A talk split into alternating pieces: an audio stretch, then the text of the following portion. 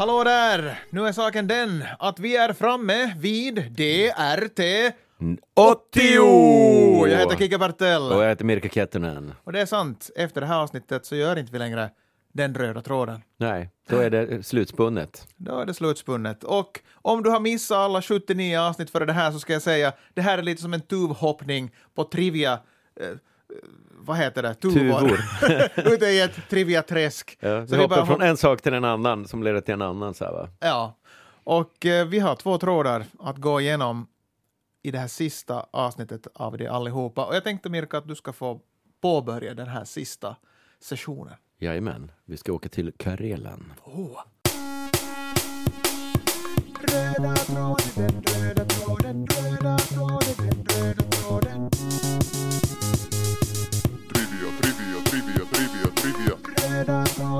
Röda tråden, röda tråden, den röda tråden. Rubriken för det här kan vi kalla då är Viborg, den fyrspråkiga staden. Och eh, det började med att jag, jag lyssnade faktiskt på Yle Svenska, alltså eh, Finlands radios svenskspråkiga språkmagasin. Jaha. Ehm, eh, det, det näst sista ordet. Alltså du menar Yle Vegas, den här uh, näst sista ordet-program med Jens Berg och Jenny Sylvin? Just det, exakt Ja. ja. Precis. Min- det, det är som att man börjar en uppsats med fotnoter, fotnoter så här. Ja, så. ja, ja. Så utifrån det, och då, då hänvisar de till en professor Marika Tandefelds forskning. Och, och eh, det fanns en specifik artikel som handlade om Viborg, att eh, Viborgs finlandssvenskan. Och då, då spräckte jag i topplocket och tänkte det här måste jag ta reda på. Och det var då jag också upptäckte att Viborg, det var ju en fyrspråkig stad. Så då i ehm, Marika Tandefelt då, i sin bok Viborgs fyra språk under sju sekel så ser hon över de språkliga förhållandena i Viborg från medeltiden till 1900-talets första hälft. Ehm, så staden var fyrspråkig, det vill säga språken som talades var finska, svenska, tyska och ryska. Eh, och så hade det varit sedan första början när Viborg grundades. Kanske inte helt så fullt lika mycket av allihopa, men, men i alla fall så. Viborg grundades, eller slottet grundades då 1293.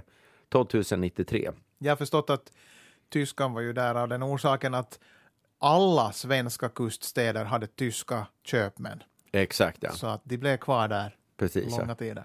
Ehm, och och eh, de fyra språken samexisterade då ända till, eh, ja, alltså i sju sekel. Men sedan 1944 så är Viborg för första gången i sin historia en enspråkig stad. Det vill säga Ryska. paruski. Tack. Ja, eh, nu blandar jag sådär allmän slaviska. Ehm, och det enda eh, språket då som, som hörs där då, och det finns inte ens folk som pratar karelska, för det ligger ju i Karelen. Ja, fast det, jag tror karelskan förekommer mera norrut jämfört med just Viborg, va? Ja, exakt. Ja. Det är väl mer bakom, ehm, inte där så mycket på Karelska näset, eh, utan det är där borta på, bakom Ladoga. Precis. Eh, alltså det här stora innanhavet får man nästan säga. Ja. Eh, det är väldigt vackert. Så att om ni inte känner till Ladoga, gå in och kolla på bilder därifrån. I alla fall. Tillbaka till Viborg och språken. Staden tömdes då på sin befolkning under kriget, då, till och med två gånger. Eh, men på ett sätt så fortsätter det då i någon sorts eh, minnesvärd att leva i, liksom, i de tidigare invånares minnen om hur, hur världen var då. Och sen så finns det också såna här, man kan nu hitta på Youtube, såna här restaurerade 4K eh, 60 rutor i sekunden, tror jag, såna här filmer från gamla Viborg, från den finska tiden. Det är sådär, man blir så tårögd över nostalgi över en plats som man aldrig har varit till. Det, det är så otroligt vackert sådär. Ja. Eh, och det är väl ofta som att här minnena förgylls med åren då. Eh, eh, men en sak kan man ju säga om de här eh, viborgarna, att de gick, eh, varje viborgare gick på alla fyra.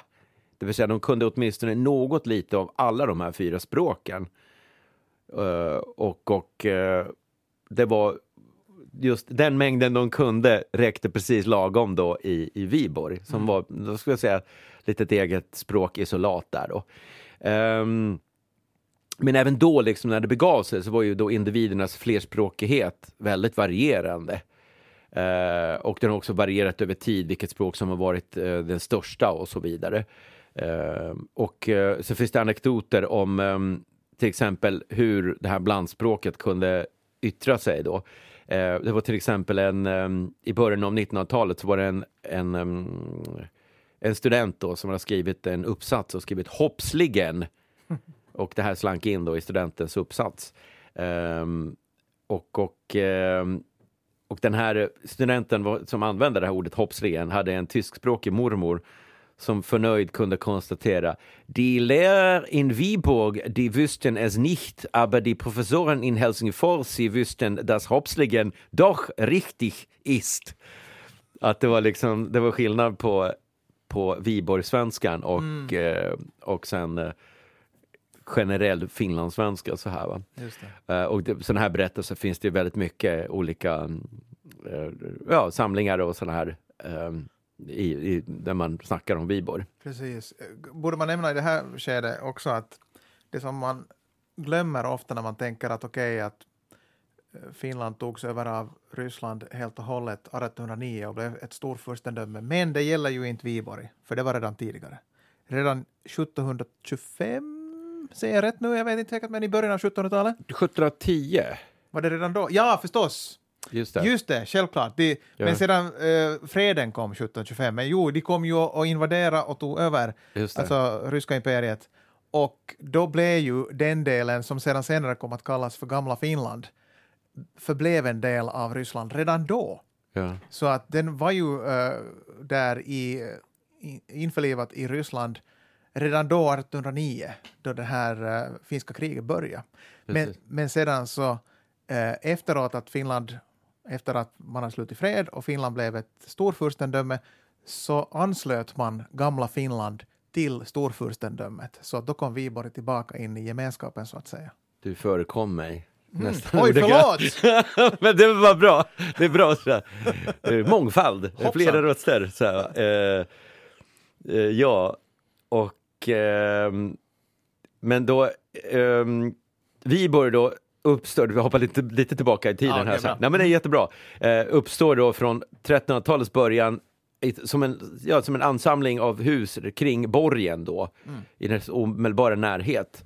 Ehm, och sen med tiden så växer Viborg som stad fram och, och den får stadsprivilegier då 1403. Och vad hette han nu som grundade den här? Det var Oj. Tors, Torild, Torsten. Torsten någonting. Eh, det var så en väldigt häftigt namn han har.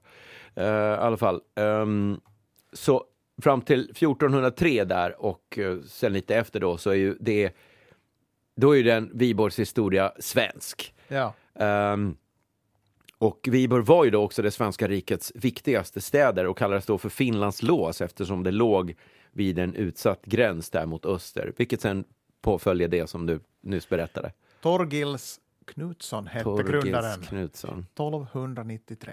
Just det. Så är det. Eh, men som sagt då att eh, men rysk då blev då Viborg först eh, 1710. Det var Peter den store som lyckades erövra den. Och sen 1812 så förenades då Viborg i det Viborgska guvernementet med, med det övriga Finland, som du nu berättade. Eh, men hur var det med ryskan då, då där och tyskan i Viborg? Jo, under 1700-talet så hade både tyskan och ryskan fått en speciell ställning i Viborg.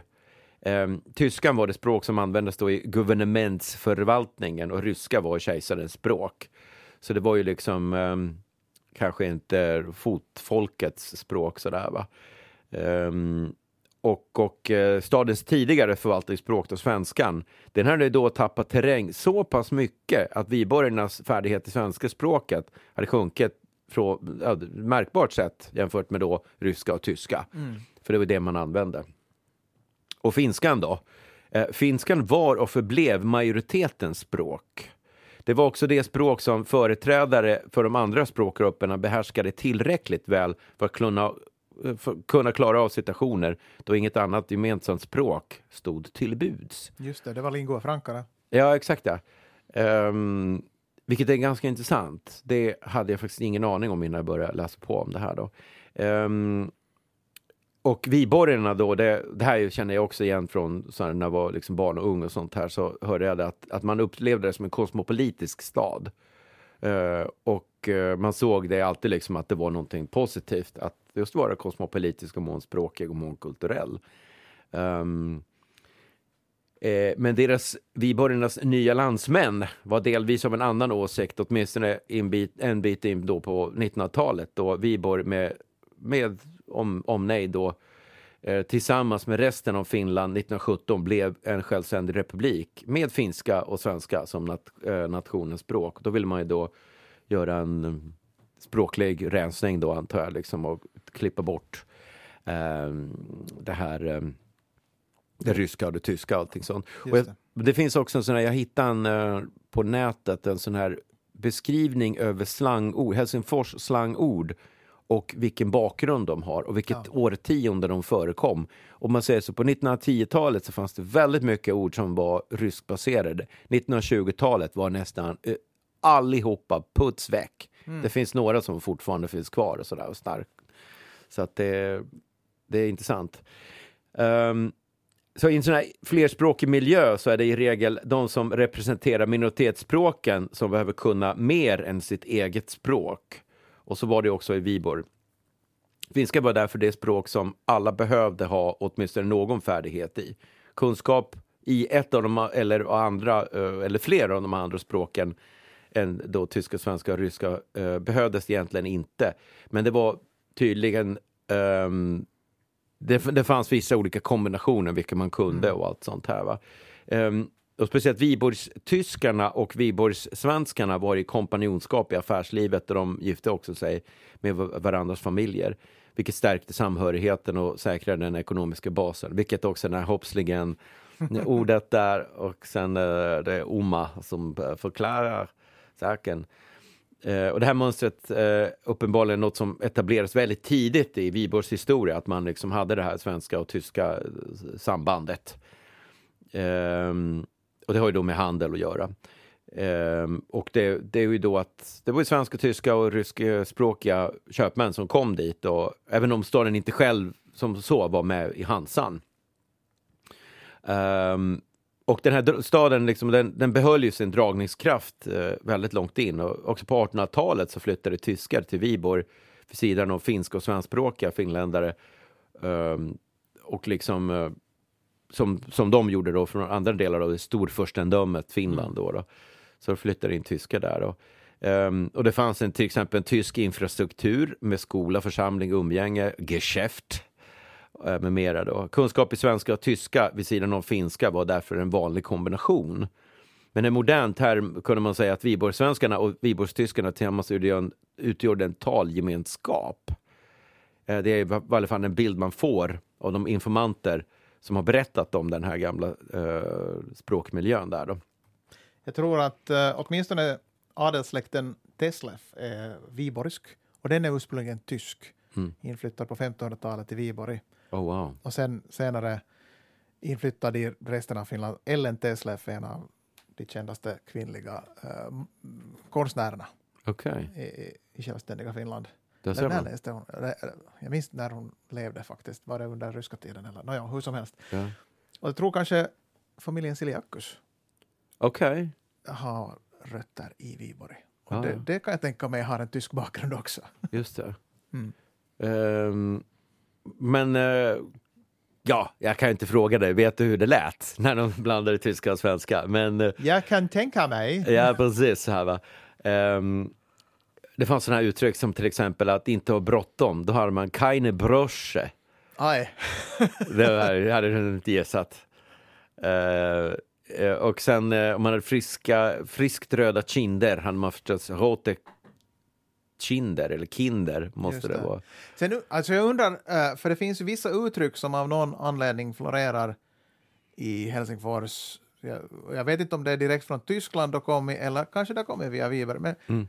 men hast du mir gesehen är det vissa som tycker om att säga. Jaha. Men, men har du sett? Hast du mir gesehen? Ja, ja, ja. Så det, det där är en sån där sak som, ett idiom ja, som bara slängs ur ja, ja. folk plötsligt utan att de liksom kan tyska. Ja, ja, ja. Och det betyder alltså, har, men se- ser du bara. Ja, ser du bara. Ja. Hopp, hoppsan så, titta där. Ja. Eh, och för våra rikssvenska lyssnare, ojsan, men gud vad spännande. Hoppsan då. Men ser, ser man på? Eh, vad heter det? Ja, det är intressant det där. Jag kommer att tänka på det här, från, det är väl från Helsingfors som det har spridits ut i resten av Finland. Man säger moj moj, Ja. som är hej hej. Så här, va? Eh, Det är bara det att det är tyska sjömän som säger, det är morgen är det väl? Som man Ja. bara drar ihop så blir moin, ja, precis. moin moin. Morgens, eller morgens, som man också säger. Just det, Så det har ju förekommit nog i Sverige.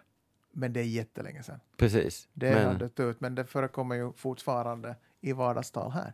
precis ja. Och sen det där med moj moj, för att det är lite intressant faktiskt. Eller moin moin kanske det uttalas Ja. på tyska. Fast snabbare. Så eh, jag har en bekant vars söner, eh, de bor i Freiburg. De killarna har börjat använda det för de tycker att det, det låter lite coolt sådär. Va? sådär. Roligt. Le- Nedre tonåren så de vill de vara lite. Så moj moj är nog, moj moj är nog kanske ur- ursprungligen från tyskan. Ja, Ehm, möjligt. och, och eh, sen den här Wihlborgs-tyskarnas mer eller mindre lyckade försök att tala svenska har gett då upphov till massa sådana här roliga eh, uttryck som eh, jag har lämnat min skärm, paraply, och min säck, väska, i tamburen. Ja, Jag har lämnat min skärm och min säck i tamburen. Paraply och väska alltså. Ehm, det är ju förresten just så här som regionalismer föds. Ord vandrar från ett språk till ett annat. Och om det inte fått, eh, liksom, om det inte får vidare spridning så förblir de då liksom endast där lokalt. Och de är bara begripable. Annars blir de unbegripable för de som, som ehm, så att det är väldigt begränsat användbara ord och så här va. Ja. Nu kommer vi in på en intressant grej här att eh, det fanns en särskilt stark blandning av eh, eh, eller liksom i Viborg så kallar man den här blandningen av olika språk för rotevalska. Aha, det låter bekant. Ja just det, du tänker på rotvälska säkert. Precis. Och efter två, och det här då Roteval, uh, Roteval, ehm, efter två av de ursprungligen tyska men försvenskade familjerna i staden. Men rotvälska, som du säkert tänkte på Ja. med rotevalska, eh, är ett, tydligen ett allmänt begrepp i svenskan, just för att benämna ett obegripligt och eller förvirrande språk eller dialekt. Just. Och det uttrycket kommer närmast från tyskan då, då och, eller det finns i tyskan och danskan. Och, och då betyder det tjuvspråk. Jaha. Att eh, ordet rotvälska då kommer av namnet på det tyska tjuvspråket rotwelsch, vilket användes och i mindre omfattning fortfarande används av kringstrykande och kriminella. Eh, och på dansk så heter det rotvälsk. Jag har sett här nu, jag gick in som snabbast på svenska.se och kollade på historiken på Svensk ordbok och det står ju rotvälsch som du säger. Men att rot skulle syfta på tiggare och välsch utländsk. Så en utländsk tiggare, Oh. rotvälsch. Och välsch, är det undrar om de är att de kom från um, Ja, det får man fråga tyskar, men jag har ingen aning. Ja, precis. Ehm, men alltså, eh, jag tror att det här Viborgska sammansatta ordet eh, för deras blandspråk, rotevalska, Mm. det är nog ett medveten brinkning till just det här ordet rotvälska. Ja, så är det säkert. Jag tror att det är mer sådär att man liksom vill ha lite knunch, det är lite roligt. humor. Ja, precis. Ja. Men även om man som svenskspråkig viborgare inte alltid hade en tyskspråkig förälder eller äldre släkting så hade man en klasskamrat som, som då troligtvis var det. Man hörde då alltså tyska som kompisarnas hemspråk när man samtidigt umgicks med sina vänner på svenska. Och, och, och klasskamrater så hade man eh, ryska och judiska och finska bakgrunder hade man då på de här klasskamraterna också. Så att eh, så tror jag att jiddisch också nog var ut, utbredd där. Jag tänkte på det där, för att det kom ju ändå soldater med den... eh, Mosaiska tron. Ja, tsarens armé hade ju folk, alltså det, det gäller ju åtminstone för Helsingfors, att det kom tatarer och det kom judar via det där och stanna kvar sedan, för de fick rätt att bosätta sig i storfurstendömet och, och starta då liksom affärer i Helsingfors, och det måste ju stämma för Viborg också, tänker jag. Mm. Det var väl ungefär en 15, 16, 17 år sedan som jag var på en utställning i Helsingfors och då hade de eh, sådana videointervjuer med, då var de här dam, damerna väldigt gamla, 80, kanske inte fullt 90.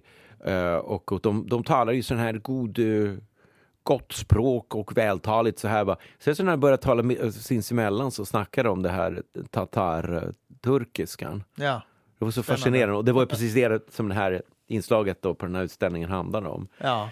Ehm, men, men, men. Alltså jag kan ju nämna här bara som en liten eh, eh, vad heter det, koppling till nutiden, så det finns ju den här eh, vad heter det, riksdagsledamoten i Finland, Ben Zyskowicz, som Exakt. är för Samlingspartiet. Han är ju judisk och han är gift med en tatar. Så att det är alltså en tatarjudisk familj. Jag antar, nej faktiskt, ja okej, han har faktiskt polsk-judiska rötter, alltså Ben. Mm. Så det är inte alls de här som kommer från Ryssland då i så fall. Om Nej. inte kom från Ryssland till Polen och sen hit. Just Nej, ja. Men, men åtminstone eh, en, en lite rolig, rolig koppling där på något vis. Mm. Och det är det som är det intressanta just i, i Finland och Helsingfors och så här, varför man tänker, de flesta, många som lever kvar i det här. Finland tog emot två flyktingar förra året eller något sånt. Mm. Eh, men eh, det har ju liksom kommit hit folk från white ethnic, om man säger så, liksom, under den ryska tiden. Eh, det finns ju liksom väldigt många rysk, gamla ryska familjer, men de har blivit så sekulariserade, så förfinskade, eller vad ska vi säga, västerländiserade, så att det är då oftast bara kunskapen om, vetskapen om att släkten är, har ett ryskt påbrå. Eh, och de firar till exempel, de kanske fortfarande är orto, rysk-ortodoxa, Ja. men att de firar jul den 24 till exempel och så va. Ehm, Ja, en del kom på 20-talet och mm, sådär. Direkt efter revolutionen. precis ja. Eh, och, och just i Viborg, så, de som kunde ryska, det var oftast de som hade ryska som modersmål. Um, I en tidigare generation då så var ryskkunskaperna ganska utbredda då. Men förklaringen är enkel då. I, det syftar på de här um, som har varit intervjuade av den här professorn. Eh, Men förklaringen är då enkel i och med att den obligatoriska undervisningen för ryska försvann när den självständiga republiken Finland eh, föddes. Så då, för, då förs, försvann ju också den här färdigheten i ryska, precis som svenskan hade försvunnit då t- vid tidigare år. Men som sagt, finska kunde man, eh, och de flesta på skiftande sätt. Men många viborgares kunskaper i finska var faktiskt tämligen hög. Eh, och en viborgare, eh, ska ha berättat att han fick sitt betyg i finska höjt från fem, och då för svenska lyssnare i Finland så är betygen från eh, ett till tio va? Fyra till tio. Fyra till, ja just det, precis. Fråga inte varför, jag vet inte. Ja, just det. det. Eh, då fick han då höjt från fem till tio, nio. När han då... Oho, det, det är ju ett flyttade från- enormt lyft det där. Ja, när, när han flyttade från Viborg till Helsingfors. Ehm, Var det annars standard då, eller vadå? ja, exakt. Det, det, tyvärr så framgår det ju liksom inte vad det beror på. Men det är liksom att det fanns färre här som pratar finska och att man där kanske pratade mer finska och att, Ja. det, att det då var liksom rätt bra. Men där var det liksom inte bra nog. Väldigt intressant faktiskt. Då. Men naturligtvis så fick de ju då polera upp hans finska när han flyttade upp hit. eh, eh, Ja, över hit, upp så är det inte så mycket. Um, I och med att det var sån här um, östfinska drag i det där också. Eh, och, och sen så var det säkert att det var många eh, ryska äldre och yngre ryska låneord och sånt här. Ja. Eh, men det verkar då som att ryska överhuvudtaget var det stora långivande språket. Eh, till exempel så finns det såna här em, eh, yrken och platser, till exempel Korot, Korotneka, det är en trädgårdsmästare. Mm. Och sen eh, Slobod är en förort. Så Slobodnik skulle kanske vara någon som kommer från förorten. Ja, Var det här alltså ord som har Fanns just det i ursprung i Viborg eller finns, fanns i Viborg just eh, exakt ja. Och sen Chinovnik, det är en s- statstjänsteman. Ja. Ehm, och sen så i köks, um, köksregionerna fanns det också väldigt mycket. Kulits, det är påskbröd. Jaha. Ordet eh, zakuska betyder munsbitar, förrätter. Jag undrar om det finska ordet som eh, nog en gång har varit slang, sapuska, som Ja, alltså det- betyder mat, jag tror att lite så här talspråksaktigt. Zakuska alltså. Det, tror, ja, det där låter mycket troligt. Precis ja. Det finns ju också ett ställe, i Helsingfors finns ett torg som heter Narinken.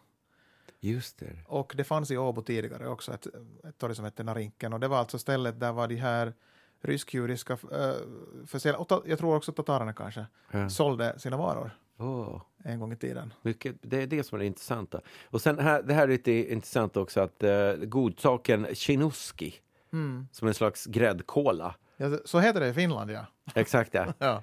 Ehm, men Kinuski, till exempel Valio, eh, de gör ju såna här små bunk, bruna bunkar med chokladpudding. Ja. Och den heter ju Kinuski. Så jag trodde alltid att chokladpudding av just den sorten hette Kinuski. Tills jag sen bara för några år sedan fattade att det är nog ryska och det heter Chinuski. ja.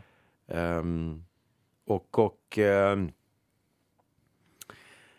ja, så att den viborgska rotvalskan var av allt att döma charmfull och skojig, men i sin ädlaste form var den obegriplig för stadens, utanför stadens hank och stör. Notera de fina ordvalen. Det här är inte mina, det, här är, det där lånar jag direkt från den här uppsatsen. Då. Utanför stadens hank och stör så var det då helt ehm, um, unbegripable, de här uh, orden. Och därför var den inte heller något modersmål som så, utan snarare ett gemensamt glädjeämne för en viborgare att kunna växla mellan de fyra språken. Just det. Och jag, jag måste säga att jag, jag, jag blev alldeles sådär eh, nykär när jag läste det här. Det, det, det är så fantastiskt. Jag är liksom uppvuxen med typ i princip tre språk Ja. sedan jag var liten. Men att man ska haft ett fjärde också. Ja, Och, sådär, va? och liksom att, att man bara liksom kodskiftande liksom så här, va? att man bara byter och alla, man kan slänga in ett ord och folk fattar och sånt här. Va? Ja, det känns sådär gammeleuropeiskt. Exakt, exakt. Så att, eh, ja, så att det var min eh, lilla spaning. Ett enda ämne, men, men den viborgska språk eh, som ju är ett judiskt eller jiddisch låneord. Just det. Ja, det blir väl min tur då. Trivia, trivia, trivia, trivia, trivia. Och så ska jag sätta igång med min sista tråd någonsin. Och vi kommer att börja i Tolkiens värld och sen slutar vi i någon typ av brödsorter i olika delar av Finland. Men innan ni går, ifall ni tänkte gå innan så, här, så finns det också en samling, samlingsbonusgrej på slutet. Men då kör vi igång. I Tolkiens böcker så förekommer ju bröd gjort av alver. Det känner du säkert till, Mirka. Lembas. Precis, det kallas för lembas. Och det är ju det här som det här ringsällskapet får med sig från alvriket Lothlorien när de ska vidare från Galadriel. Galadriel. I'm so sick and tired of the lembas bread. som Sam säger. Men det är ju ett praktiskt bröd. Det är ju jättebra för det här ringsällskapet, för det är näringsrikt och lätt att ta med sig och hålla sig färsk i månader så länge man håller det packat i de här löven som Mm. de har med sig där. Det är ju en typ av superfood egentligen. Det är ju det. Ja.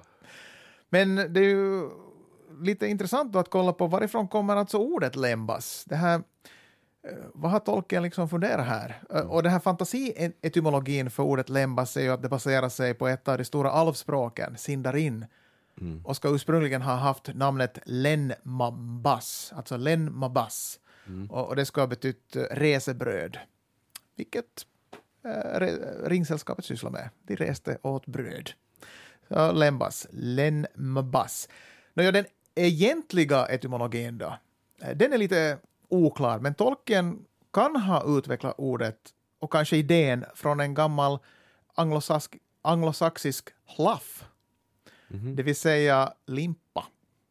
Intressant, det låter nästan som chleb som gör bröd på ryska. Rätt, Du de är, kommer kop- till det. de är kopplade. ja, ja. Men alltså på anglosaxisk, gammal anglosaxisk, alltså hlaff. Mm. Och eh, speciellt den limpan som gjordes inför Lammas Day, och det är inte finska, annars skulle lammas betyda, eh, vad heter det, inte får utan Lamm. lamm, precis, lammas. Och Lammas Day är en högtid som skedde, eller kanske sker fortfarande, någon gång mellan 1 augusti och 1 september i samband med den första veteskörden. Och traditionen var, eller är, jag vet ju inte om det pågår fortfarande, kanske det gör det, eh, att, man, att man gör en limpa av den allra första veteskörden och sen tar man med den till kyrkan och där ska brödet välsignas. Och bönderna ska sedan efteråt ha också använt det här till, i magiskt syfte, kanske utan att säga att vem än som välsignade. Men att man tog den här lammaslimpan, delade den i fyra bitar och minns du att lembas var oftast vet du, Åtminstone i filmen. Jag vet inte om de beskrev det så i böckerna, men det är ju så att man kunde dela det lätt i fyra bitar. Att det var som färdigt just det. format så här. Sant, sant. Ja. Ja. Men lammaslimpan kunde delas i fyra bitar och, och sättas i ladans fyra hörn för att skydda skörden där inne. Det var liksom den magiska biten som var tänkt. Nåja, eh, det här gamla namnet på Lammas Day är ju eh, Hlaffmas, det vill säga limpmässa. Limpmäss kanske man skulle säga då. Hlaffmas. Och Inte jag- schlafmass, så, sovmässa. sovmorgon. eh, och jag antar att eh, liksom lammas-ordet kommer just från det här slaffmas. Mm. Ja. Eh, men Tolkien kände ju också till nordiska språk, så jag tänker att det kanske inte är så självklart att det bara är anglosaxisk bakgrund, utan han kände till nordiska språk, inte minst finska, men också svenska. Och ett gammalt ord för just limpa på svenska är lev. Ja. Ja. Och det ju här, nästan låter som det finska ordet leipä. Allt är besläktat.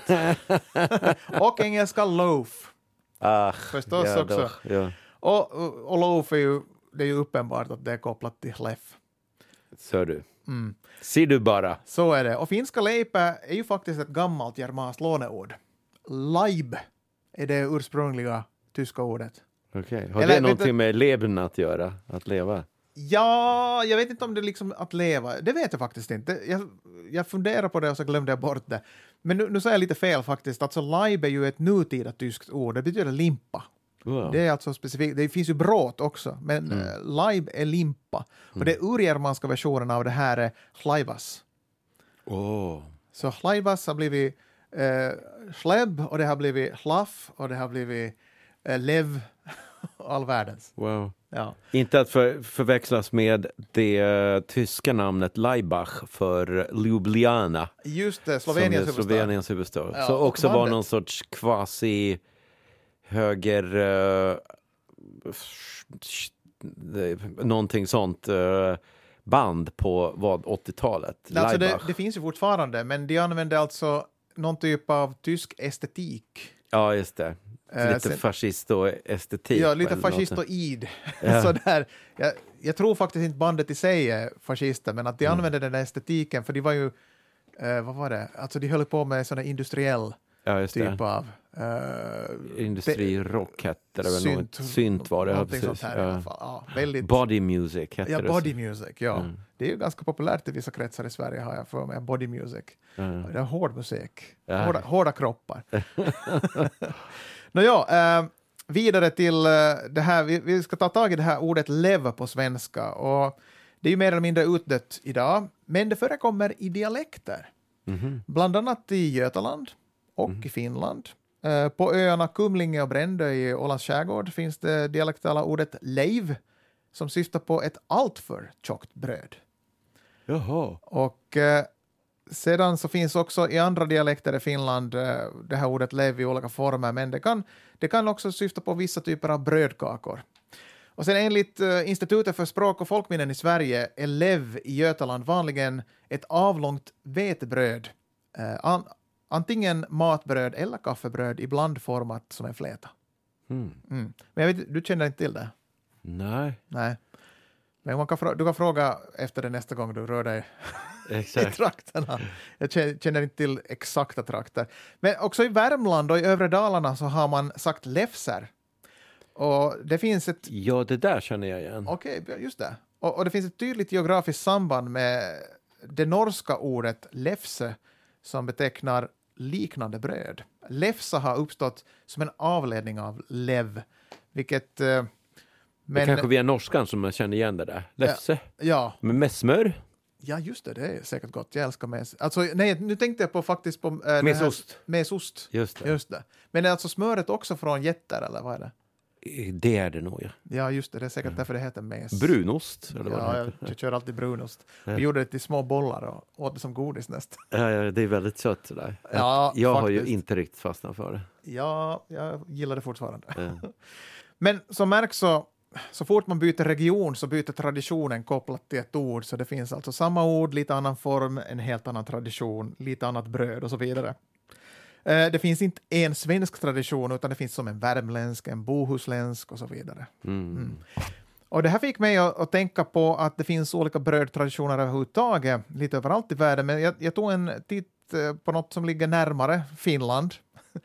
Och det här var ju, tycker jag, ganska intressant, för jag hade inte liksom tänkt på det så mycket, att det finns eh, så många olika bröd i Finland som är knutna till vissa eh, vissa vad heter det, regioner helt enkelt. Och urbaniseringen har ju suddat ut gränserna en del, men generellt kan Finland delas in i västliga och östliga brödtraditioner. Jaha. Ja. Jag vet att det finska språket kan ju definitivt delas upp i uh, östliga och västliga Allt dialekter. kan delas upp i östliga och västliga. Ja, precis. Hjärtsjukdomar och ja, hela grejen. Liksom. Ja. I England så är det nord och syd där. Ja, bara, precis. A, a bit roof där up north. Ja. Och en del kanske tror att det här hårda brödet, rågbrödet, att det skulle komma från östra Finland och det mjuka från väst, men det är precis tvärtom. Faktiskt. Och det här hårda, sura rågbrödet gjordes ursprungligen i västra Finland. Man bakade ett par gånger om året, ofta i utomhusugnar, så kallade pakarin, och du kan tänka dig bagare, bageri, pakari. Just det. Ja, eh, det vill säga en skild byggnad eller rum tänkt för matlagning och bakning. Sedan torkades brödet på sådana stänger, sedan du har säkert sett sådana runda bröd. Ja, just det. Hål, hålkakor eller vad det heter. Just det. Sen i östra Finland så gjordes mjukare, limpaktigt rågbröd som framställdes veckovis i spisar som fanns inne i hemmet, så inte alls liksom utanför hemmet. Och av andra sädeslag som kom, alltså bovete och havre, eh, så gjorde man då rieskor av, det vill säga sådana Just ojäst tunnbröd. Eh, Och i öst gjorde man också inbakade kokobröd och pajer. Okej. Ja, det är ju en princip, det beror ju på... Kokobröd, vad är det för något? Nå, Du har ju hört om kalakukko säkert. Kalla- Just det, det är ju alltså inbakat i rågbröd och svål så är det alltså Mm. små, små fiskar. Ja, och, In, insjöfiskar. och det är grejen att man kan ju fylla det med annat också. Och sen kan man ha det antingen inbakat eller öppet. Så att det finns lite olika versioner beroende på var man är. Ja, ja, Ja. Men eh, i östra Finland är det fortfarande det mörka rågbrödet som är basen och piroger och, och kokon då, som vi kan kalla faktiskt för en typ av paj. Så eh, det är fortfarande viktiga, medan man i västra Finland har med tiden tagit till sig mera kryddat och sött bröd. Gissa varifrån? det kommer från Sverige Ja, ja, till en stor del. Ja. Eh, och skärgårdsbröd, surmjölkslimpa, som nog är söt i smaken, bröd smaksatta med russin och kummin och sånt har kommit till västra Finland Mm. sedan senare. Jag förstår mig inte riktigt på det här med att ha kummin i bröd till exempel. Det, nej. Det är inte bra. Jag, jag gillar just det här efterugnsbröd, liksom råg. Ja. Ja, det, det är nog lite acquired taste, om vi säger som så, med kummin ibland. Ja. Men Men, det, allt svenskt bröd, liksom, är- att, det är, att det är socker i, jag tror att det har delvis att göra med också att under andra världskriget så det var ett sätt att få ut socker till Ja, ja. som ration. ration. eh, vad heter det? rationer. Ras, Nej, vad precis. heter det? Jag vet- Ra, ra, Ration tänker vi på nu. Ranson. Ranson, vi Ja. tänka på engelska här. Ja. Ja, just det. Ja. Nå, ja, men eh, i alla fall de här brödtraditionerna, de hålls ju nog vid liv mest tack vare sådana här lokala bagerier, så det finns fortfarande olika specialiteter för olika landspa, landskap ifall man går till något lokalt bageri och frågar efter det. Eh, för att det finns ju de stora bagerierna, sådana Vasan Vasan och sådana som, och de, de gör ju liksom för hela landet, så att det är de som liksom suddar ut gränserna. Men man ska gå till det lokala och se vad de har, så kanske man hittar någonting speciellt och intressant. Men jag tänkte nämna några från olika regioner i Finland, och vi kan börja med Åland. Där var bröd viktigt för att det var en basmat att ha med sig på långa seglatser förstås. Och det kändaste åländska specialiteten är svartbröd som innehåller rikligt med sirap och malt. Ah, så det har inte med blod att göra, att det, att det blir svart? fast det finns nog sånt också. Vi kommer snart dit. Inte på Åland dock. Nej. Men sen har vi södra Karelen. Eh, den lokala varianten av den här så kallade rieskan är ett jäst kornbröd. Och här är ju intressant att tänka att det finns inte bara en sort, sorts rieska, det finns flera olika sorter och, och det beror på var i landet man är helt enkelt. Eh, I Joutseno framställs den i en så kallad höpsetyskopp. ja, som innehåller mycket mjöl och, och lös bröddeg. Och det här att man höpser, det innebär alltså att eh, man höpsar fram alltså brödets form och låter det stiga i en skål. Och sedan smäller man den på en brödspade och sätter i ugnen. Och vad betyder det att hopsa? Jag tror att det är liksom att man gör den luftig kanske, jag är inte helt säker. Men För höpsetus, det, det är liksom att, är inte det liksom ett ord på finska för att, eh, Att man är lite sådär corny och... ja liksom så här, det, tuss, Du pratar strunt. dum, ja, struntprat liksom. Ja. Sluta struntprata. ja, faktiskt. Det, det tänker jag också på när jag tänker på höpsetus. Ja. Men det har ju med bröd att göra ursprungligen. Men ja. ja. man vet aldrig varför ord eh, blir liksom, det tappar sin ursprungliga mening och så blir det något annat av det. Ja. Sen kan vi hoppa till södra Österbotten, det vill säga hoppa ganska långt från södra Karelen. Och nu är vi inne på hårt enkelt rågbröd och där är det väldigt vanligt. Men det är ändå väldigt ståtligt på bjudningar när man har hårt och enkelt rågbröd. Som- Men eh, landskapsbrödet eh, är sedan igen ett bröd gjort på kålrot. Hoppa, aldrig hört talas. Ja, och, och det kan eh, då blandas med kornvete och råg. Och det kanske heter lanttuleipä, jag är inte helt säker, men mm. kålrotsbröd helt enkelt. Ja. Mm. Mellersta Österbotten, man går lite norrut alltså. Eh, bl- här kommer blodbrödet. Eh, som i praktiken är alltså rågbröd som bakats med blod från höstslakten. Mm. Och då torkas det på stång som sig bör i Österbotten. Man har dessutom en egen typ av blandbröd där som görs på korn och vete. Sen har vi mellersta Finland, det är Jyväskylätrakten ungefär. Där har vi då nosterieska, alltså en rieska igen, och det är landskapsbrödet i mellersta Finland. Eh, och då använder man eh, jäst med surdeg, och det blir rund, tjock och syrlig. Eh, före, man, före man hade jäst så användes humlen för, från surnande öl för att fixa till det här. ja. Ja. återanvändning. Och det är klart östligt influerat där. Mm. Eh, sedan har vi Satakunta, vi har kommit till kusttrakterna igen. Mm. Eh, där har man något som heter kakko, ett, inte kokko utan kakko. Och det är ett runt jästbröd bakat på korn och vete, gjordes ursprungligen som något gott för helgen. Eh, södra Savolax, igen lite österut, lite överraskande, rågbröd som är tjockt och surare än den i västra Finland. Mm. Sedan har man också något som kallas rättänä, som i praktiken är en blåbärskokko. Oh, wow. Ja, så blåbärspaj kan man väl säga, nästan. Men är det då alltså i någon sorts rågbrödsdeg, eh, Ja. Det är väl det, Som ja. en calzone, va? Det, det kanske, jag vet inte om den är inbakad eller om den är öppen. Ja, okej, okej. Men en rättänä. Nästa gång ni är i södra Savolax, fråga efter en rättänä. Ja, wow. Sen hoppar vi till Tavastland som är lite längre söderut och där i mitten ungefär ovanför Nyland. Eh, ligger mitt emellan traditioner från väst och öst, men i brödväg så har man oftast syrligt rågbröd som torkats på stänger, som i väst, och specialiteten är ändå en söt potatislimpa. Mm. Och vi har några kvar här. Vi kommer till östra Nyland. Rik brödkultur, en hel del i söt-sur limpväg, vilket innebär bland annat surmjölks, krydd och potatislimpa, men också Åh. något som kallas junta, eh, som bakas på ljust vetemjöl. Och så finns också skärgårdslimpa i trakten, för det är ju kusttrakter, eh, som åtminstone tidigare bakades med äppelsaft. Oh, wow. Ja, det låter ganska Ganska häftigt. Ja. I, I Borgå finns dessutom hommaslimpa, hörpelimpa och bondas surlimpa. Oh, wow. Ja. Orkar du ännu? Jag har några kvar här. Ta- några till. Vi tar, det här är ju sista gången någonsin, så nu kör Ja, vi. precis. Nu. Nu får ni bröd för hela slanten här. Ja. Vi har hoppat till Kajanaland som ligger där just nedanför Lappland och ganska östligt. Eh, specialiteterna här är en öppen kokko, en avokokko, Ja, eh, som alltså inte är inbakad utan öppen och innehåller siklöja. Så det låter ju bekant. ja. Det är intressant just att koko då, för ni som inte kan eh, finska. Koko betyder tupp. Ja, Det är helt ologiskt. Varför ett Ja. bröd, inbakat calzoneaktigt bröd eller, eller öppen tupp liksom. Ja, det är ganska oklart varifrån ordet koko i det sammanhanget kommer faktiskt. Ja. Så att det, det är inte nödvändigtvis så att det är kopplat till tuppen. Tupp. Nej, ja, det är precis så. Ja. Eh, just det, siklöja finns i den här eh, öppna kokon eh, som blir stekt eftersom den inte skyddas helt av degen. Just Så det det. finns en poäng här. Eh, de har också något som heter röntönen i Kajanaland och det är i princip en liten paj gjord på korn och rågdeg med sötare potatis eller med bär och namnet Kainuun röntönen är skyddat faktiskt på EU-nivå. Oh, wow. Så det är precis som konjak eller champagne. Kainuun röntönen. alltså en röntönen från Kajanaland. Mm. Sen Kymmenedalen, där har de något som heter lepuska som också görs delvis i östra Karelen på potatis och kornmjöl. Annars mjukt och syrligt rågbröd som gäller där i Kymmenadalen.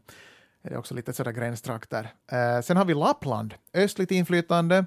Eh, så de har en rieska där också, gjord på korn.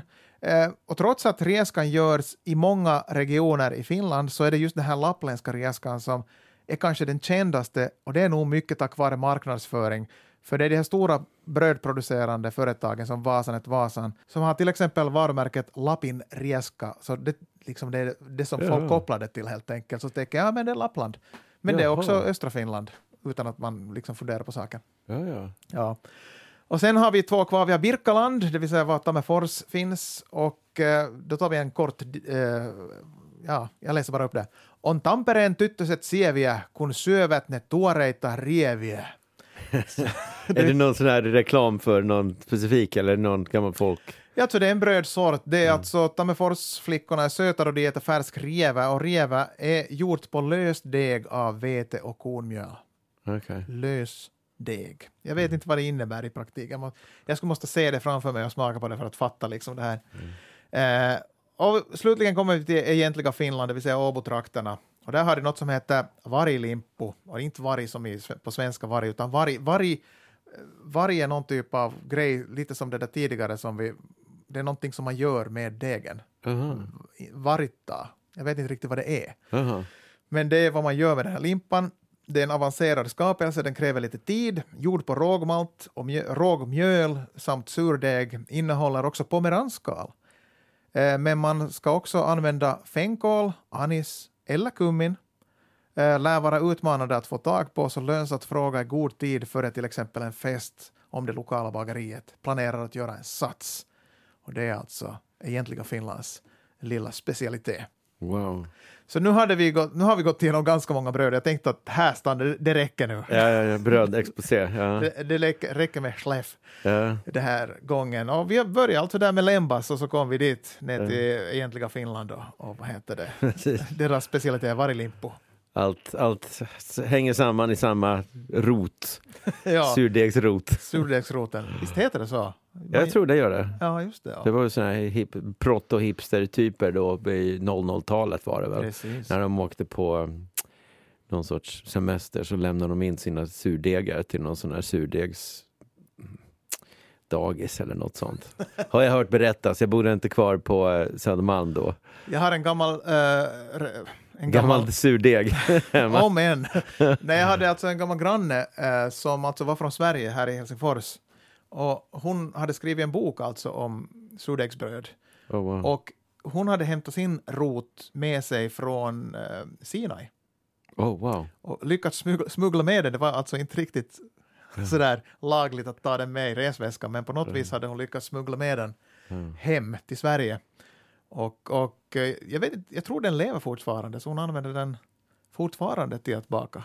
Ja. Bröd. Det är festligt. Så, så då tar man alltså en liten del och lägger i en annan och då kommer den här gästkulturen väl och tar Ja. över och sen börjar det bubbla och jäsa och hålla på. Det är, liksom, det är väl det som är poängen, ja. Ja. Så, och, och det råkar sig vara så att i Sinai så var det tydligen just rätt omständigheter Mm. i öknen där. De var red eller någonting, jag vet inte riktigt. Men där Mm. var det av någon anledning så funkade det jättebra. Santa Katarina-klostret kanske. Eller vad den heter. Ja, just det. Det finns där där i, på varit. Sinai. Ja. Ja, just det. Precis nedanför Sinaiberg. Om, det. om det nu var det som var det som Moses steg upp på och ned, ned, nedkom med lagen. Fast det var, gjorde han inte. Han nedkom ju inte på ordets se- så, så lunda sätt. Nåväl, så här är det nu. Nu har jag hört våra två sista trådar i den röda tråden Precis. i, i en podd som vi, kallas för D, som vi kallar för DRT 80. Precis. Ja du Mirka, här slutar stigen. Precis. Men vi kan ju bara ta något sånt här lite sammanfattande. Vilka detaljer eller röda trådar eh, är det som du minns bäst? Det är nog alltså svårt, för det finns så himla Eller detaljer sådana här som... eh, Jag, jag har ett minne av den där, och nu minns jag inte ens tråden i sin helhet, men vet du, det var någonting om, med de här ballongerna som flög över Himalaya, minns du det? Ja, det minns jag faktiskt inte. Ja, det är jättelänge sedan. Det här var Ja. när jag bodde i Schweiz ännu. Ja. Och du satt i Stockholm och så, och så vad heter det, berättade jag om det där. Men jag, jag har glömt alltså, jag har glömt detaljerna kring det, men jag tror att det Mm. kanske hade en del att göra med det här Picard-familjen också. Ja, just det. Just det, precis. Det är intressant att eh, genom åren så har vi, vi har haft rätt mycket om flyggrejer, vi har haft om eh, rymdgrejer, Mm. eh, olika sådana raketer och satelliter och sånt. Som och, så, alltså vi började 2015 och nu detta år då så är det ju 2022. exakt och då har vi på i sex år. Ja. Det är helt otroligt. Och det är lite det här att, att liksom man tänkte, häromdagen så frågar du, har jag snackat om det här? Och så att det vet jag inte, men det var också ett tecken på att då, då har vi kommit till vägs ände.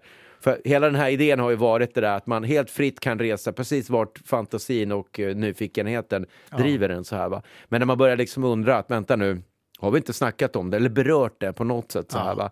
Då, då är det ju lite att man har kommit till ehm, till vägs ände på något sätt. Och det här börjar ju med att du postar någonting på fejan då. Idag har jag lärt mig att. Ja, just det. Jag hade, jag hade tråkigt i, i Schweiz alltså. Ja, precis ja. Och jag vet inte om det var en mem på den tiden sådär, men, men du, du postade i alla fall någonting och så bara, ja, men gör något mer, gör något mer. Så tänkte jag, det här borde ett radioprogram på. Och sen bara, nej, vi borde göra något på det. Nej, men vi borde göra det här som heter podcast. ja just det. Och sen hade vi sån här övning, vi liksom gjorde väl tre prov X eh, så här var, sen hade vi provpublik som lyssnade på det, som Ja. kom på den här idén att vi måste presentera saken, snacka om saken och summera saken. ja. Eh, vilket har varit väldigt, eh, väldigt bra faktiskt då, och, och komma och förstå att det är det man måste göra och sånt. Vi har ju berört vissa olika temat och sådär, men just det här med franska revolutionen och sånt här, Ja. vilket sen också är en hel app som jag sen gjorde solo och sen la jag in lite effektmusik och allting sånt här så att eh, det är väl den minst lyssnade av alla appar och sånt här. Va? Men det- som har varit nytt för mig här under hela den här resan, det är det att ehm, till exempel att det finns fler stycken Napoleon. ja. Att det fanns inte bara den här, den Napoleon, utan hans son hette Napoleon den andra, men han dog vid 21 års ålder. Sen så var det hans farbrors son, Just tror jag det, det var. brorsonen. Precis ja. Eh, som blev... ehm, Napoleon den tredje. Napoleon den tredje. Och sen, ehm, som för övrigt också var den första eh, folkvalda presidenten och också den sista kejsaren. Just det, för att han ville fortsätta vid makten. Exakt, Så, ja. men vi kör med det här med imperium igen. Ja, precis. Ja. Och, och det är intressant att det är väl det de påstår att den här um, Marx var det som sa att först så kommer det, när, när det kommer någonting så är det ett tragedi, andra gången så är det en parodi. Så Det, det påstås att det var den första Napoleon som var det ena och sen det andra och så. Ja. Fast jag läste att Napoleon den tredje skulle ha varit liksom, man skulle ha infört ganska många bra grejer i Frankrike, Ja. men att han var liksom usel. Eh, att för, alltså att, som annars som en politiker som var jättedålig på att tala till exempel. Ja, ja, han kunde ja. inte alls. Nej. Men att det fanns vissa grejer som, som ännu håller sig idag, nu kan jag inte detaljerna. Och det är väl att eh, Paris är ljusets stad till exempel. Mm. Det är ju en sån här grej att eh, den här eh, Osman, Hausman stavas det ju. Baron, jag tror inte han var en riktig baron men på något sätt han började kalla sig för baron och då, då blev det baron Osman som sen var ehm, den som liksom ritar upp hela Gloire, det som är Paris idag är ju tack vare eh, den här Osman och eh, Hausman och eh, what's his face, Napoleon den tredje och så. Precis. Um, och sen har det varit lite intressant att vi har gjort det här på tre språk. Och Ja, för när det. vi började så här så var ju podden tämligen ny i Sverige, men det, fanns, det var ju nästan totalt noll existerande i Finland. Ja. Så vi gjorde ju några appar på finska så vi tänkte vi kunde sälja in och sen så kanske börja jobba på det på riktigt så här va. Men den bollen studsade inte, men det är kanske nu, sådär fem, sex år senare som den börjat rulla här också. Så har vi gjort några appar på engelska, because we can. Ja, men bara liksom testa och experimentera. Mm. Det har varit ett, ett laboratorium på många sätt och vis. Precis, och ja. du har ju också testat till exempel eh, göra liksom specialavsnitt där du har intervjuat Mm. Eh, folk och så här. Så att, eh, Och sen med sån här artificiell röst. Ja, precis, det här om AI-avsnittet. Den är nog ganska svår att lyssna så här va, men, men nu har vi gjort det i alla fall. ja, ja. Apropå eh, språk och sånt här, va, att det är svårt att höra och förstå. Det här Gomera i Spanien, det här visselspråket. Just det. Det var, det var också en sån här väldigt eh, intre, intressant att nu för tiden får ju då unga gomeraner, om det då böjs så, eh, de får ju lära sig det här visselspråket i skolan till exempel. Ehm, så det är väldigt intressant. Och ehm, ja, Det är ju alltså avsnitt två faktiskt. Från medeltid till Chaxi Raxi om jag minns rätt. precis ja. Det var Eh. gud det där Chaxiraxi där på Kanarieöarna. Exakt ja. Eh, jag kan bara nämna det här med, med Napoleon och sånt. Idag finns, så finns det en som är Napoleon den sjätte tror jag det. Han är väl typ 31 år eller något sånt Ja. här. Han har studerat på Harvard. Och jag kan säga, jag skickar iväg ett på LinkedIn liksom. här, så och så kan vi göra ett intervju. Jag hann inte ens öppnat det meddelandet. Men vi har försökt få en intervju med en äkta Napoleon. Det skulle vara roligt att se. Ja. Eh, Det enda som vi egentligen kanske inte riktigt har gjort någon sån här djupdykning och tagit hela historien, det är Roms historia, för den Ja. har vi också berört och så. Va? Ja, var det där då? Det var det hela. Så att vi räknar med ner. Fem, fyra, tre, två, ett, noll. Nu är det slut. Tack ska ni ha. Tack, adjö. Hej. Fortsätt vara int- intresserade. Another pod, another time. Yeah. Yeah. Röda tråden, röda tråden, röda tråden, röda tråden.